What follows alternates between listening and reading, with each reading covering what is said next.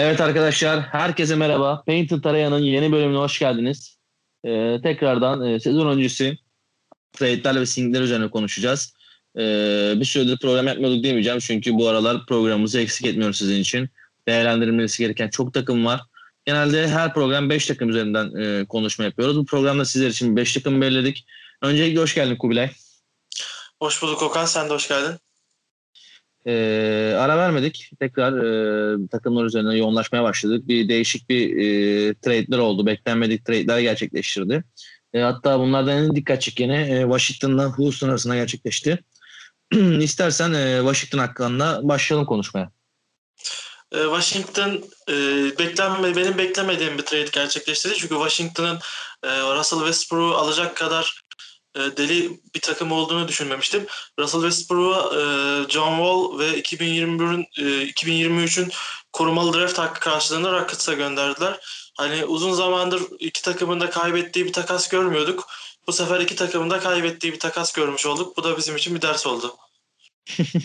Hocam peki sence gerçekten kayıp mı e, Washington için e, Westbrook hamlesi yoksa yeniden bir doğuş olabilir mi? Ee, ben e, Russell Westbrook hocam artık herkes biliyor. Hani Russell Westbrook hakkında pek bir şey konuşmaya gerek yok çünkü e, Russell Westbrook triple double ortalamalar için bari biraz çabalıyordu. Artık onu da yapmıyor. Özellikle playoff'ta Lakers'a karşı berbat performanslar sergilemişti. Hani bir e, kendisine yakışmayan performanslar sergilemişti. Biz onun öyle e, cafcaflı şeylerine alışmıştık. ancak Houston'da da artık topu alamadı. Yani bir şekilde top elinde olmadı e, James Harden'la anlaşamadı diyelim veyahut da e, yani Washington artık Washington için oynayacak. İlk antrenmanlarına falan çıktı. İki takım da mutluyuz diyor ama ben yani iki diyorum ya uzun zamandır iki takımın da kaybettiği bir takas görmemiştim. Yani Russell Westbrook artık o eski Russell Westbrook değil. Taka, şimdi Washington bakımından e, Washington tarafından bakacak olursak da John Wall'u gönderdiler. Zaten John Wall da hemen hemen Russell Westbrook'la aynı tarzda ve iki senedir oynamayan bir oyuncu. Yani bakacağız bu trade'ler çok değişik oldu bu Washington e, Houston trade'i ben Washington e, Houston trade'i konuşulduğunda ben e, Washington'ın bu kadar deli olabileceğini düşünmemiştim ama yaptılar bu takası. Ne diyeyim yani iki taraf için de hayırlı olur inşallah. Yani hocam orası öyle ama şöyle düşünüyorum ben bir de Washington için. en azından oynayan bir John Wall takıma kattılar. Yani Westbrook ne kadar son sezonlarda etkisi olsa bile e, bir oyun içinde kalabiliyor. Zaten e, Bradley Beal gibi, işte Davis Pentas gibi, Rui Hachimura gibi yan parçalarla yan parçalar dolu bir takım Washington ve oynayan bir John Wall'la beraber tekrar bir çıkış yapmalar diye düşünüyorum. Tabii Doğu çok güçlü ama e, Westbrook'un e, artık Doğu'da bir rol alması yıllarca Batı'da oynadıktan sonra e, bir çıkış yapacakmış gibi gözüküyor bana. Ee, Doğu artık e, o eski işte LeBron hakimiyetinden çıktıktan sonra özellikle LeBron Batı'ya gittikten sonra bu sefer de Doğu biraz daha güçlenmeye başladı. Batı'daki oyuncular Doğu'ya gitmeye başladı. İşte Kyrie Irving olsun. E, Kyrie Irving zaten Doğu'daydı da işte Kevin Durant olsun, şimdi Russell Westbrook olsun. E, hani Doğu da biraz güçlenmeye başladı. Artık ben hani Washington'ın şampiyonluk ihtimali yok ancak e, Doğu'nun güçlenmesinden ve Doğu'dan zevk alacağım için bu konuda biraz mutluyum. Ama yani bu Washington tarafından bakacak olursak da korkunç bir takasa evet dediler. Üstüne bir de 2023'ün birinci tur draft hakkını gönderdiler. Yani e, ama bu takasta hocam benim dikkatimi çeken şu şey şu oldu. E, James Harden ve e, biliyorsun Houston DeMarcus Cousins'ı da kadrosuna katmıştı. İki senedir oynamayan DeMarcus Cousins'ı. E, bu takasta James Harden ve DeMarcus Cousins e, John Wall'u istemiş. E, Bradley Beal da Russell Westbrook'u istemiş diye bir e, söylenti var ortalıkta. E, antrenmanlarda da bu gözüküyor. Yani Bradley Beal'la Russell Westbrook çok iyi anlaşıyor. İşte e, DeMarcus Cousins'la da e, John Wall e, antrenmanda çok iyi anlaşıyor. E, umarım bu uyum bize bir şeyler izletebilir e, NBA'de. Yani hocam aslında Houston'ı e, bir dahaki program konuşacağız ama e, şunu net bir şekilde söyleyebiliriz bence. E, John Wall'un da e, Westbrook için de e, yeni bir hikayeye ihtiyaç vardı NBA'de. Ve oyuncular da bunun farkındaydı. E, Houston açısından özellikle Cousins'ın da yeni bir hikaye ihtiyacı vardı. Yani aslında iki takım hem zararlı çıktı hem avantajlı çıktı. Yani bu e, bir takım hikayesinden çok oyuncuların yeni hikayeleri olabilir. Ben e, şu anda e, şeyi düşünüyorum, e, Houston'ı düşünüyorum e, gelecekteki performansı. Houston çok sürpriz performanslara e, güveniyor şu anda. E, o yüzden Houston'ın bir, bir sonraki programda konuşurken bundan bahsedeceğim. Ancak Washington için konuşmak gerekirse Washington için bu sene Russell Westbrook ismi öne çık çıkmış olsa da ben e, Washington'da bu sezonun e, yıldızlarından biri olacağını düşündüğüm e, Davis Bertans'ı daha çok önemsiyorum. Davis Bertans çünkü önemli bir oyuncu. Özellikle son senesinde çok önemli katkılar verdi ve Davis Bertans Washington'da kaldı. Çok önemli bir dört numara. Şut atabilen bir dört numara. Hem üçte hem dörtte oynayabiliyor ama daha çok dörtte oynuyor. Özellikle San Antonio altyapısı olan bir dört numara olduğu için o e, hücum geçişlerini ve savunma geçişlerini çok iyi yapabilen bir dört numara. Bence Washington için yılın hamlesi Davis Bertans'tı. Hocam Bertans Avrupa çıkışlı oyuncular arasında e, gene NBA'de kendinden bahsettiren isim oldu ya. Yani Washington e, Bertans'ı kadrosuna katarak e, kendi yani, yani kadrosuna bulundurarak kendini de sınıf atladı. Hem de Bertans için işte bu sene bakıyoruz Avrupalı oyuncuların aldığı sözleşmeler işte Bogdan için aldığı sözleşmeler falan. Yani NBA'de artık bu Avrupalı Amerikalı ayrımı çok çok da büyük uçurumlarda uçurumlara sahip değil ya. NBA artık e, Avrupa'ya açıldığından beri zaten bize çok iyi basketbolcular kazandırdı. Porzingis olsun, e, Luka Doncic olsun, özellikle Luka Doncic olsun diyeceğim onda. E, şimdi Davis Bertans olsun, özellikle bu sezon gelecek olan Killian Hayes'lar, e, Dani Avdicalar olsun bize çok önemli basketbolcular kazandırıyor NBA. Avrupa'da özellikle da, yani Deni Avdica'yı kimse bilmiyordu. Ee, NBA, NBA'de draftlere, e, draftlere katılacağını söylenene kadar kimse tanımıyordu Deni, Deni Avdica'yı. E, bu sayede NBA bize çok iyi basketbolcular tanıtmaya başladı ancak Davis Bertans bence NBA'deki e, en formda 4 numara. Yani Avrupalı 4 numara olarak görüyorum. Ben evet, Porzingis ya. oynamıyor olarak düşünüyorum. Porzingis sakattı. Davis Bertans geçen sezon onu aldı diye düşünüyorum. Yani hocam bir de NBA'in geneline baktığımızda da gene e, 4 numara arasında ilk 5'e girebilir Davis Bertans. Yani o performans sergiliyor en azından. Evet, özellikle son sezonunda yani Davis Bertans ağızları açık bırakan performanslar sergilemişti. Biliyorsunuz son sezonda Washington'da e, John Wall yoktu. Bradley Beal ile Davis Bertans takımı sırtladılar o konuda. E, şu anda Davis Bertans hamlesi Russell Westbrook hamlesinden bence 3, 4 hatta 5 adım önde. Ee, hocam o zaman Washington olarak e, son soruyu sorayım Washington için. Sence, senin görüşünü merak ediyorum. Playoff yapabilir mi sence Washington? Washington e, çok zor hocam. Ben, ben e, şu anda şeyi düşünüyorum. E, konferans bazında düşünüyorum. E, çok zor yani çok güçlü topa takımlar var. E, ben bilmiyorum hani şu an olabilir de olmayabilir de hani Doğu, Doğu Konferansı'nda özellikle şu anda baktığım zaman Boston Celtics olsun, Brooklyn Nets olsun, Philadelphia 76ers olsun, özellikle şimdi 7'de devam eden Toronto Raptors olsun. Bu sezon çok güçlenen bir Atlanta Hawks olsun. Geçen sezon final yapan Miami Heat var. E, dönüyorum Milwaukee Bucks var. E, Indiana Pacers yine playoff oynayabilen bir takım. Washington'ın işi çok zor.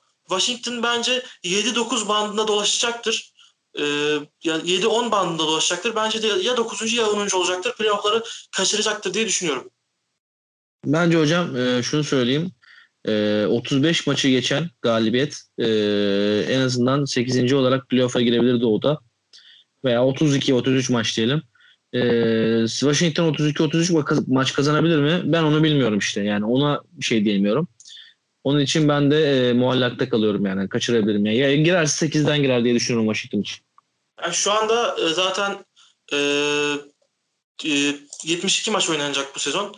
E, düşündüğümüz zaman e, çok zor bir ihtimalleri var. Olabilir, olmayabilir ama benim görüşümce çok bu çok zor bir ihtimal. Hani e, yaparsa hani Davis Bertans ve Bradley Beal'ın çok üstün performans sergilemesi lazım tekrardan. Russell Westbrook'un öyle çok üstün bir performans sergileyeceğini düşünmüyorum. Ben artık Russell Westbrook devrinin çoktan kapandığını düşünüyorum. O triple double iki sezon üstü triple double sezonlarından sonra Russell Westbrook zaten şut tehdidi artık hiç kalmayan bir oyuncu kendisi. %28 ile şut atabilen, şut atan bir oyuncuydu geçen sezon Rockets'ta.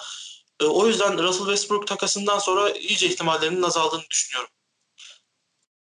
Bak katılıyorum hocam sana. O zaman Dallas Mavericks şey, Washington'ı kenara bırakıp e, gene sezonun merak eden takımlarından bir tanesi olan Dallas Mavericks'e geçelim. Bu sene bence e, iyi takaslar gerçekleştirdiler. Zaten geçen seneden ellerinde olan e, iyi bir kadro vardı. İyi bir süperstarları vardı. E, ve artık dönmesi beklenilen bir süperstar var. E, Porzingis gibi. E, ne düşünüyorsun? Ne düşünüyorsun hocam Dallas Mavericks hakkında? E, Dallas bu sezon geçen geçen sezon e, çok hafızaları kazanan performanslar sergiledi. Özellikle Luka Doncic bazında ben Dallas'ı çok izledim. Luka Doncic muhteşem bir oyuncu. Hani LeBron James'in bile ben Luka Doncic'e hayranım dediği bir oyuncu. E, o bazda düşündüğüm zaman Luka Doncic ve Kristaps Porzingis önderliğinde bir takım. E, yani yan parçaları gayet yeterli bir yeterli oldu. Artık bu sezon iyi, iyi basketbolcular kattılar kadrolarına. Josh Richardson olsun, James Johnson olsun, Tim Hardaway'i kattılar. E, J.J. Barea var. Özellikle bu sezon geçen sezon Boban Marjanovic'den alamadıkları katkıyı, pivot katkısını Willie Kolesteyn'den bekliyorlar ve ona aldılar. Umarım e, Dallas'ı yine e, finallere oynarken görebiliriz. Çünkü Los Angeles Clippers'la oynarken ben çok heyecanlandım. Özellikle Luka Doncic'in o step back e, orta mesafe üçlüğünden sonra ben inşallah Dallas çıkar demiştim. Bu sezon inşallah Dallas'ı finallerde görürüz. Çok merakla beklediğim takımlardan biri. Hocam benim e, Dallas olarak görüşüm şu. E, geçen sene Porzingis'in taşıdığı büyük vardı ama e, Porzingis'in diyorum pardon Doncic'in taşıdığı büyük vardı ama e, yan parçalardan hiçbir katkı alamadı Dallas. E, yani aldığı katkılar da verimsizdi. Onları finale taşıyacak performans sergileyemedi yani veya playoff'ta ilerleyecek performans sergilememesi sağladı. E, bu sezon e, hani Porzingis'in dönmesi bir kenara hala Porzingis'in dönüşü bir kumar ama bir yandan bakarsak takıma katılan işte Josh Richardson gibi, James Johnson gibi isimler hatta bana göre Curly Stein gibi, Curly Stein gibi isimler e, Dallas'ı bir tık seviye olarak üste taşıyacak. E zaten Doncic'in performansının yükseleceğine hepimiz eminiz. Yani bir sakatlık yaşamadığı sürece e, NBA'de sürekli ivme yakalayan nadir oyunculardan hatta nadir Avrupalılardan birisi haline geldi. E, bu performans sergileyeceğine eminiz. Önemli olan ona e, Josh Richardson'ın, James Johnson'ın nasıl destek vereceği. Ama eminim ki geçen sene takımda olan Seth Curry'den işte ne bileyim Kit Gilchrist'tan tam ismini telaffuz edemesem de e, hepsine daha çok katkı vereceğini düşünüyorum. Bir de e, geçen sezona göre Tim Hardaway'in bir tık daha performansını yükselteceğini düşünüyorum. Çünkü artık şut yükü sadece onun üstünde değil. Yani Josh Richardson gibi bir tehdit var veya Trey Burke gibi bir tehdit var takımda. Ben e, Luka Doncic'i hocam, hocam hatırlarsan geçen sezon performansında hani Los Angeles Clippers'a karşı hani 40 sayı, 20 rebound, 20 asist gibi böyle değişik değişik performanslar sergilemişti.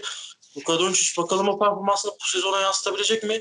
Ee, söylentilere göre hani NBA'de Amerika'da dolaşan söylentilere göre çok çok daha üst düzey bir basketbol ortaya koymaya başlamış. Özellikle oyun kurma bazında topu eline aldıktan sonra iyice artık hani çılgın işler yapmaya başladığı söylentileri var. Bunun üstünde bir de sağlıklı bir Porzingis'le şut atabilen bir Tim Hardaway Jr. eklenirse e, Luka Doncic'in yani yapabileceklerini benim hani aklım duruyor hani o konuda. Luka Doncic çok üst düzey bir basketbolcu haline geldi. Umarım bu, bu performansının üstünde koyarak devam eder ve LeBron James'ten sonra bize NBA'de güzel şeyler izletebilen e, yeni süperstar MVP adayımız da o olur.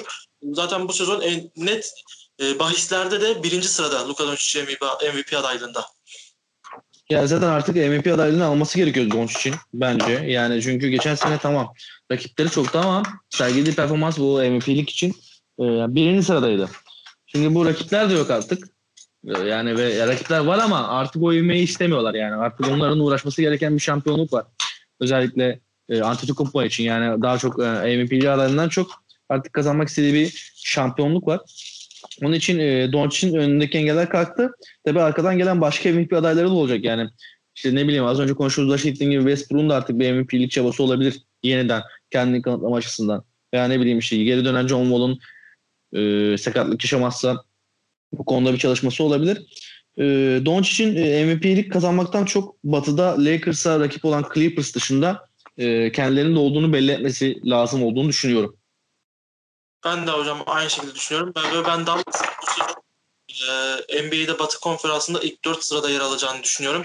Hani benim için ilk 4 şöyle oluyor Batı'da. E, Lakers, Clippers, Golden State ve Dallas Mavericks diye düşünüyorum. Yani bu e, takımları zorlayabilecek takımlar da var ancak ben Dallas Mavericks'in ilk 4'te yer bulup playoff'larda en kötü yarı final göreceğini düşünüyorum bu sezon özellikle.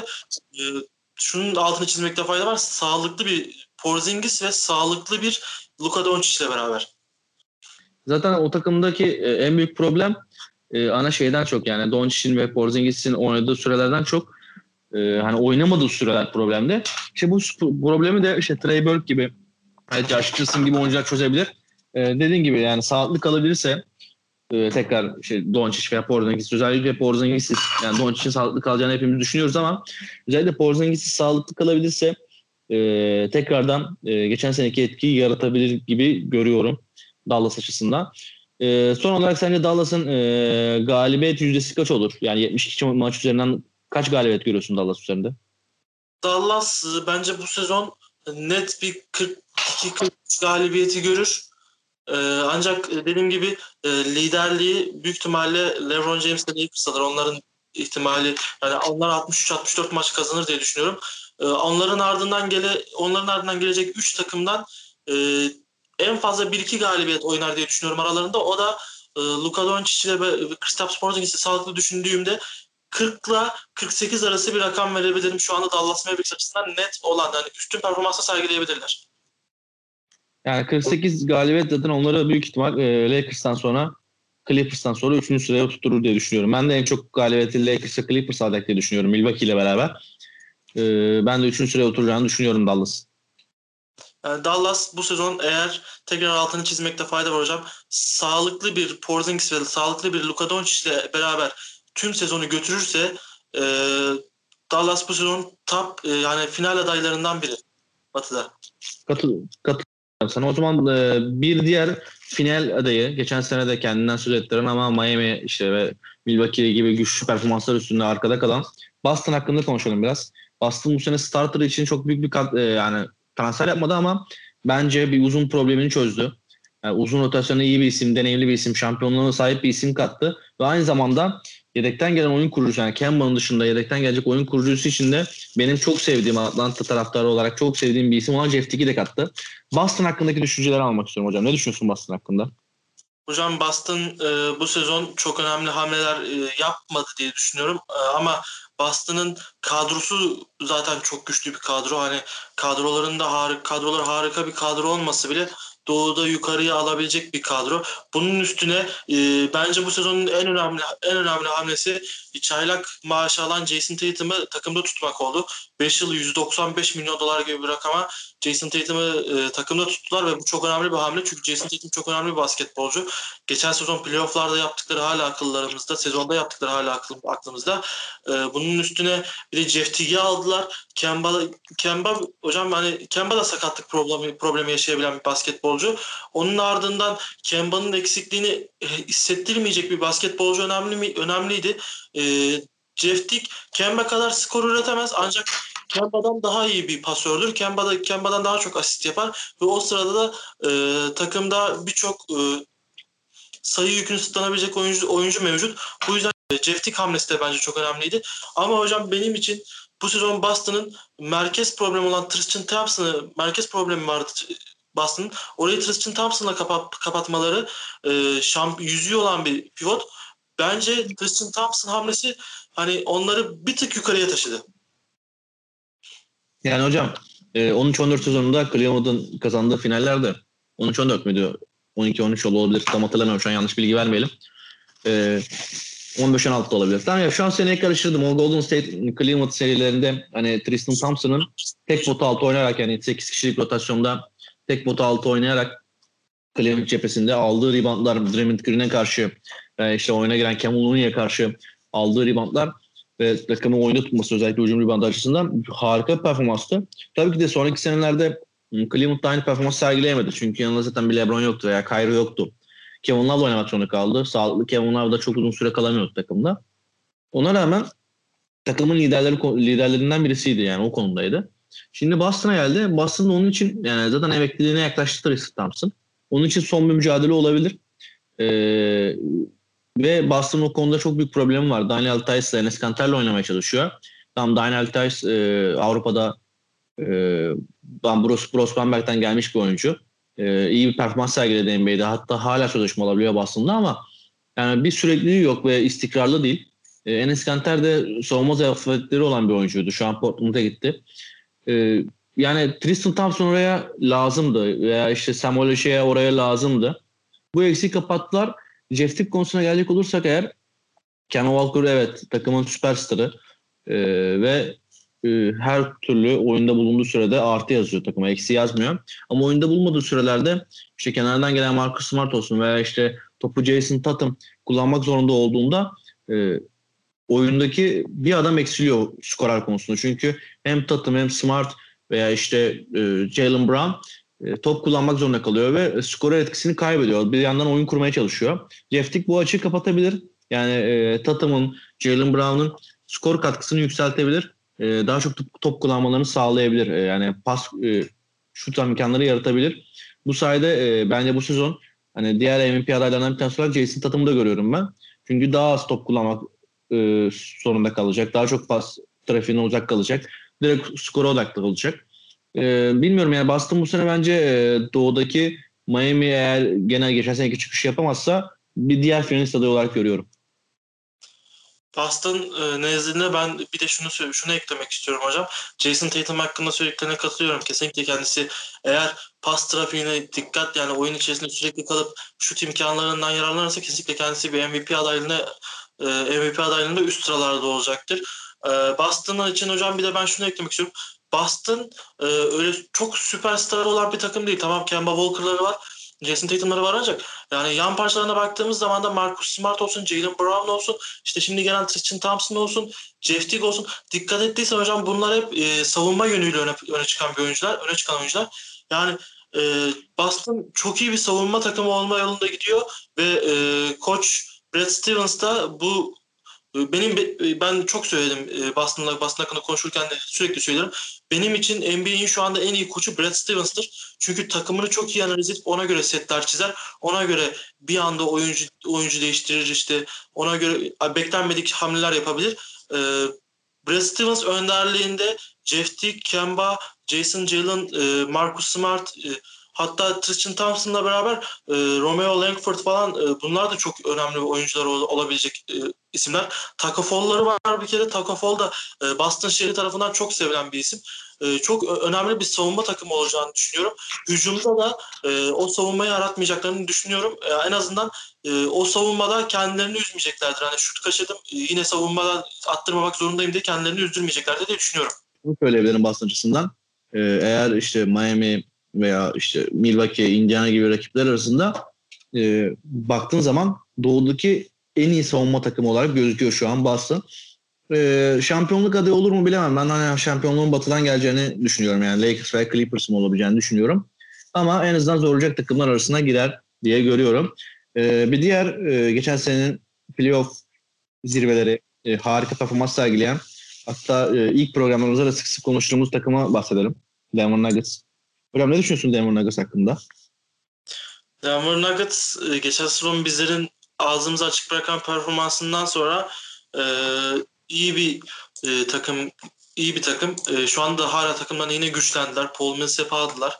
Paul Millsap çok önemli bir basketbolcu. Bizim için yani çok önemli bir e, savunmada özellikle mentor olabilecek e, bir isim. E, bir de Batı'dan Facundo Campuzzo'yu getirdiler. E, o da bir oyun kurucu. Gerçi ondan oyun kurucuya ihtiyacı yok. Nikola Jokic varken topu kimsenin kullanmasına gerek yok. Ama Cemal Murray ile Cemal Murray, Campuzzo ve Jokic yanında Michael Porter Jr. en önde kimin oynadığı önemsiz. Bol bol da oynayabilir. Paul Millsap da oynayabilir. Plumlee de oynayabilir. Onlar için önemsiz zaten. Ama bu beşli benim için çok e, batı batı nezdinde baktığım çok, çok korkutucu bir beşli. Özellikle Jamal Murray o playoff'lardaki performansını süreklilik haline getirirse e, yeni bir körü kazanmış olabiliriz Jamal Murray'den. Hocam yani onu zaten o performans süreklilik haline getirirse yani NBA'ye de ambargo koyar yani. Çünkü o seride gerçekleştirdiği performans yani üst düzeyde ve e, favori bir rakibe karşı egale etti. Hatta Lakers'a karşı çok iyi oynadı yani baktığı zaman Denver ama hani özellikle Clippers serisi e, yanlış hatırlamıyorsam Clippers serisi olsun müthiş bir çıkış sergiledi e, Jamal Murray ve aynı zamanda çok işten de o desteği alabildi. Ama Denver'ın işte bence problemi bu. Hani starter dışında kenardan gelen oyunculardan o desteği alamıyor. Bu sene de o takviyeleri yapamadılar. Ee, eğer şampiyon olmak istiyorlarsa, yeni bir macera yazmak istiyorlarsa e, bu topa girebilmeliler diye düşünüyorum. Aslında öyle çok fena bir hamle yapmadılar bench için. Ee, Clippers'tan ayrılan Jamarcus Green'i aldılar e, iki seneliğine. Bir de Paul Millsap'i bence bench'te kullanacaklar ama bilmiyorum. E, Paul Millsap ilk beşte de başlayabilir. Paul Millsap'i daha çok mentor olarak almış olabilirler. Ancak e, önemli önemli bir basketbol takımı Denver Nuggets. E, Jamal Murray'e topu bıraktıkları zaman e, Clippers karşısında yaptıklarını gördük. Lakers karşısında da çok iyi işler yaptı ancak hani Lakers karşısında kazanma ihtimalleri yoktu. Çok üst düzey bir Anthony Davis vardı Lakers'ta. E, Denver yine bu sezon e, batıda zorlayacaktır ancak ben Denver'ı böyle bir yine geçen sezon, geçen sezon biliyorsun hocam ilk üçten girmişlerdi. Ben bu sezon hani bir 5 veya hatta 6. sıraya ancak ancak yazabilirim. Yine çünkü karşılarında çok güçlü takımlar olacak. Bu sezon hani bir yarı final görürler mi? Belki görebilirler ancak ben o ihtimali çok fazla görmüyorum. Batı'da büyük ihtimalle ilk turdan ben eleneceklerini düşünüyorum. Umarım Denver Nuggets e, yine o geçen sezonki performansını sürekli haline getirip e, bizleri şaşırtıp e, ilk 3'te ilk 4'te kendilerine yer bulabilir. Yani hocam işte dediğim gibi şaşırtması lazım çünkü e, diğer takımlar güç kazandı ve geri dönen efsaneler var Golden State gibi. Yani onun için bu geri dönen güç dönen güç kazanan efsaneler işte geri dönen takımlar falan filan derken hani Denver üstüne çok bir şey katmadı açıkçası. Yani bu performansın e, bu katmamazlığın e, dediğim gibi şansa ihtiyaçları var. Bizi şaşırtmalarına ihtiyaçları var. E, gene büyük ihtimal ilk 5'te ilk 6'da bulunurlar. Yani tabii ki de playoff'a kadarlar kalırlar ama hani ekstraları yok şu an. Geçen seneye göre ne kattı ekstra dediğin zaman NBA'deki şu an çoğu takım geçen seneye göre çok şey kattı üstüne. En kötü draftlarla beraber yeni güzel oyuncular çektiler. Ama Denver'da bu etkiyi göremiyoruz. Onun için e, sevdiğim bir takım olmasına rağmen bu sene geçen seneki performansın üstüne çıkmasından çok aşağı düşmesini bekliyorum. E, ekstra olarak ne söyleyebiliriz? E, Jamal Murray'den e, belki işte bu geçen sezon Bama Davay'ın aldığı ödülü e, en çok gelişme gösteren oyuncu ödülünü almasını bekleyebiliriz Denver açısından. Yani hocam bir de rakiplerine baktığımız zaman hocam dikkat ettiğin zaman yani çok güçlü. Los Angeles Lakers mesela ben rakiplerini sayıyorum. Los Angeles Lakers, işte Clippers. Bu sezon harika bir trade dönemi geçirip Chris Paul geçen sezon Oklahoma City'deki Chris Paul'u takıma katıp çok güçlenen bir Phoenix Suns. Ondan sonra dönüp bakıyorum işte bu sezon tekrardan e, gelebilecek e, Curry ile beraber tekrar dönüş yapacak Golden State. E, Doncic, Porzingis'li Dallas hani ee, James Harden var Houston Rockets'ta. John Wall katlar. Demarcus Cousins nasıl dönecek bilmiyoruz. Ondan sonra dönüp bakıyoruz New Orleans'ı bugün konuşacağız. Onlar da çok güçlü. Ondan sonra e, Minnesota var, işte Portland var, Utah Jazz var. Çok güçlü rakipleri var. E, Denver Nuggets bu rakiplerin arasından sıyrılacaktır. İlk 5-6'da 5. veya hatta 6. sırada kendi yer bulacaktır. Ancak dediğim gibi Denver Nuggets'ın bu rakiplerle yani işi çok kolay olmayacak. Yani en azından playoff'a kalacağını biliyoruz ama e, bu sene o şampiyonluk bize ışığı veren takımlar arasında olmadığının farkındayız Denver'ın. E, öyle de kalır büyük ihtimal. Yani çok büyük bir hamle yapması lazım. Öyle bir salary cap boşluğu da yok. Veya işte sanmıyorum ki starterından bazı oyuncuları bu sezon için takaslasın. Onlar kendi kadrolarından memnunlar. Sadece biraz daha yapılanma istiyorlar. Ee, yani Denver'ın üstüne çok konuşacak bir şey yok. İlk 5 ilk 6'da olduğunu düşünüyorum. Olacağını düşünüyorum. Ee, tabii ki de sürprizler yaratabilirler. Ama en büyük ihtimalle işte Jamal Murray'nin Monster'ın private player veya belki bir, bir oyuncuyu daha All-Star, All-Star'a katabilirler yani. Büyük bir draft yapmalılar çünkü. Hani üstüne konuşacak bir takım değil Demir aslında. Üstüne konuşacağımız takım New Orleans Pelicans. Biraz daha üstüne konuşabileceğimiz takım. Ee, takas dönemi geçirdiler. Hızlı bir takas dönemi geçirdiler. Bence önemli bir isim olan Steven Adams'ı kadrolarına kattılar. İşte William Gomez'i kadrolarına kattılar. Brandon Ingram'a maksimum kontrat verdiler. Yani nasıl görüyorsun New Orleans Pelicans'ın battık kaderini? New Orleans Pelicans e, takas dönemi başlar başlamaz geçen sezon olduğu gibi yani e, Lakers'ta olan e, dedikodularla beraber bu sezon olduğu gibi e, Drew Holiday dedikoduları başlamıştı direkt. E, Drew Holiday'i takasladılar. Drew Holiday'in karşılığı, karşılığında Eric Bledsoe tamam Milwaukee'de çok iyi bir e, performans sergilemedi ancak New Orleans e, Eric Bledsoe tarzında bir tak, tarzında bir oyuncu için çok harika bir takım. Çünkü e, geçen sezon New Orleans'ta Drew Holiday dışında top kullanmayı seven bir oyuncu yoktu. E, topu genellikle Brandon Ingram kullanıyordu Drew Holiday yokken.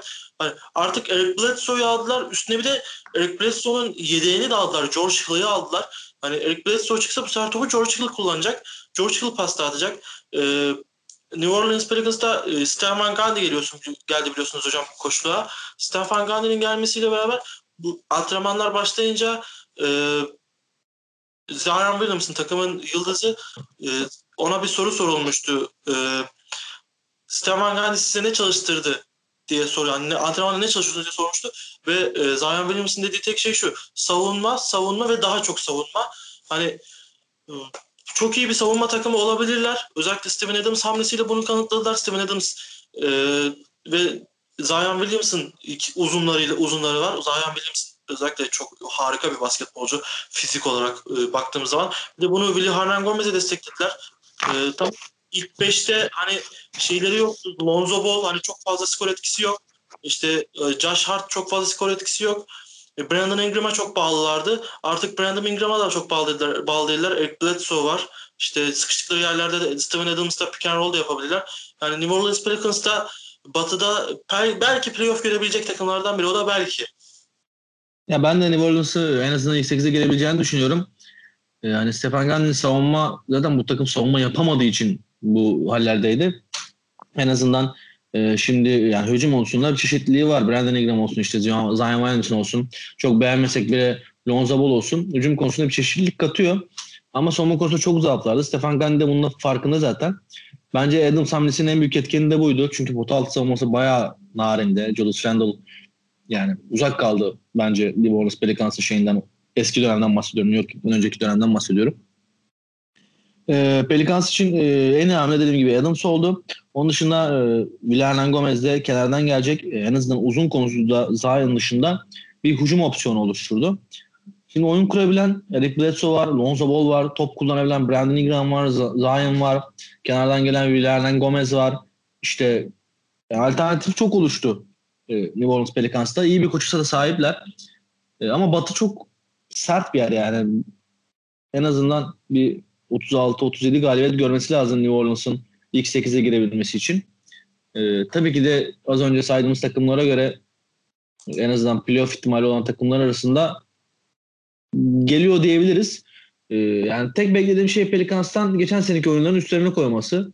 Bir de en azından playoff'ta ilk tur oynaması diye düşünüyorum. Hala e, bir iki draftta bir iki takasta yapmak zorundalar çünkü uzun rotasyonda işte Derek Favors'ı, Jai Okafor'u kaybettiler. Ee, hani sadece Adams bu boşluğu kapatabilir mi bilmiyorum. Ee, alacağı süreler maksimum e, 30 dakikaları bulur. NBA maratonunda 72 maçlık maratonunda bu süre az bir süre. Ee, Pelicans kafamda soru işaretleri bırakıyor. Ama en azından Ingram'ın veya Eric Bledsoe'nun veya işte e, Lonzo Ball'un bu sene daha büyük. Lonzo Ball zaten yıllardır hocam e, draft olduğu sene, seneden beri 2016 senesinden beri 2017 senesinden beri e, bir çıkışı beklediğimiz oyun basketbolculardan biri ve bir türlü o çıkışı pat, patlatamayan basketbolculardan biri. Bunun da tek nedenini ben artık yani şutları olarak görüyorum yani hocam yani asist yapmasında hiçbir sıkıntı yok. Harika bir pasör. Yani çok iyi pasları var. Ee, ancak bu Ball ailesinde draft e, draft programında konuştuğumuz gibi Lamela Ball, LiAngelo Ball o da girdi biliyorsun e, NBA'ye. Hepsinin şut stiline baktığımız zaman topu hani sağ elinden alıp sol omzundan çıkarıyorlar. Onu nasıl başarıyorlar ben de anlamıyorum.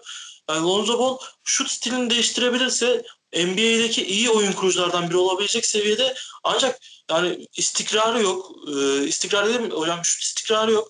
Bir maç 15 sayı atıyor. Zaten gördüğü top sayı en fazla 20'dir Lonzo Ball'un. Bir maç çıkıyor 2 sayı atıyor. Hani 14'te bir falan saçmalıyor. Lonzo Ball'un tek geliştirmesi gereken konu bu. Artık Lonzo Ball NBA seviyesinde elit bir pasör olma yolunda gidiyor. Ancak şut konusunda da yani şut istikrar konusunda kendini geliştirmeli, stilini değiştirmeli diye düşünüyorum. Ya Lonzo Ball'un e, biraz sorumluluk almaya ihtiyacı var. Yani şimdi onun NBA'de sorumluluk alabileceği bir takım yok şu an. Çünkü her takımda ondan bir üst seviye görülen oyuncular var. Yani nereye giderse gitsin. Şu an mesela NBA'nin en kötü takımı ne olarak bakarsın? Ne bileyim büyük ihtimal Charlotte diyebilirsin.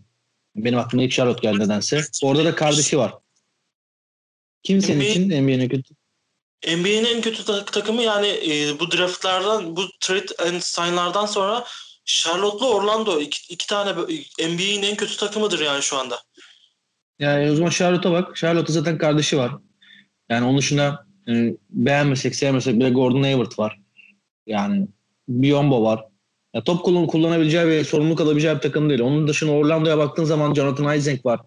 Aaron Gordon var. Orada da hani ilk sorumluluğu Lonzo'ya vermez. Yani Lonzo'nun sorumluluk almaya ihtiyacı var yükselmesi için ama bu sorumluluk yani alabileceği bir takım yok NBA'de. İlk geldiği Lakers hani o bombok olan Lakers'ta bunu başarabilirdi ama başaramadı. Onun için Lonzo e, bu sınıfta kalmaya mecbur kalacak büyük ihtimal. Yani Eric Bledsoe'nun da önüne geçemiyorsan NBA'de süperstar olamazsın. Ee, yani sadece Lonzo'nun biraz daha yükselmesini bekliyorum. Dediğim gibi en azından e, biraz daha şutunu geliştirmesini en azından biraz daha e, hani skor yönünü arttırmasını bekliyorum. Yani bunu da başaramazsa zaten artık dediğim gibi Erik Bledsoe'yu geçemiyorsan yani sen varken bu takımı Erik Bledsoe'yu takatlamayı düşünüyorsa demek ki sen süperstar olamayacaksın yani. Zaten Bol kardeşler artık bir bok olmayacak da. Hani demek ki sen süperstar olamayacaksın. En azından Brandon Ingram'ı besle. En azından Zion'u besle ki bir üçlü olarak efsane ol. Yani bu üçlünün potansiyeli var en azından.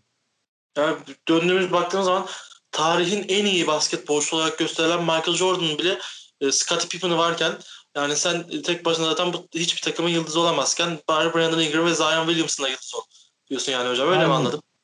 Aynen öyle. Aynen öyle. Yani en azından e, Zion'ın da Brandon'ın da e, gerçekten büyük potansiyelleri var. Pelicans da onlar için bu malzemeyi hazırlıyor. Onlar için yan parçaları dolduruyor.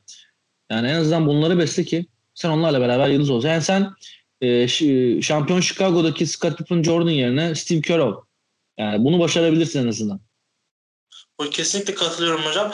Ben şu anda Lonzo Ball'un hani NBA takımları arasında bir numarada oynayabilecek yani oynayabileceği tek takımın e, bir numarada oynayıp sorumluluk alabileceği tek takımın Oklahoma City olduğunu düşünüyorum. Onda da Shai Gilgeous Alexander'ı iki numarada e, oynatıyorlar ve en önemli parçası da o. Orada bile hani takımın yıldız parçası olamıyor. Oklahoma City'de bile olabilecek potansiyel bir basketbolcu değil.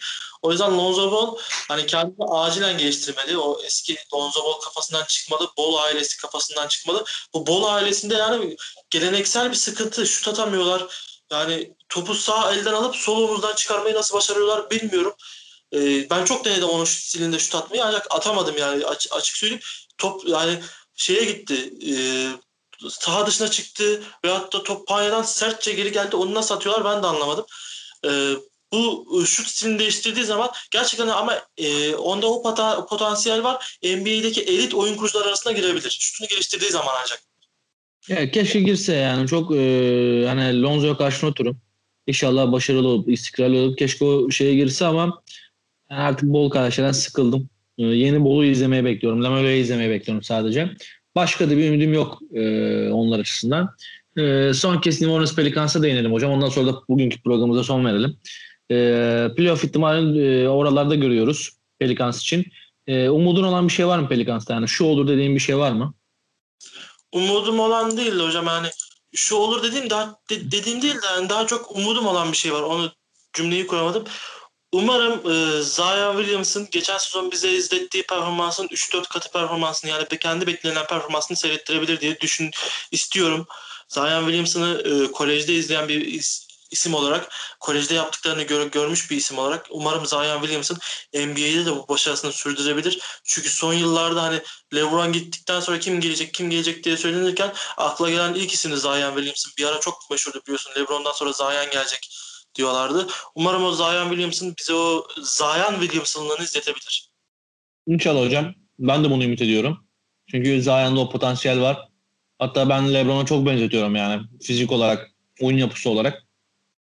Hatta LeBron'un bir üst versiyonu olarak görüyorum. Belki LeBron'un yaşına geldiğinde bu istikrar sağlarsa o seviyeye ulaşabilir diyorum. O zaman hocam bugünkü programımıza son verelim. 5 ee, dakikamızı konuştuk. Ee, eklemek istediğin son bir şey var mı?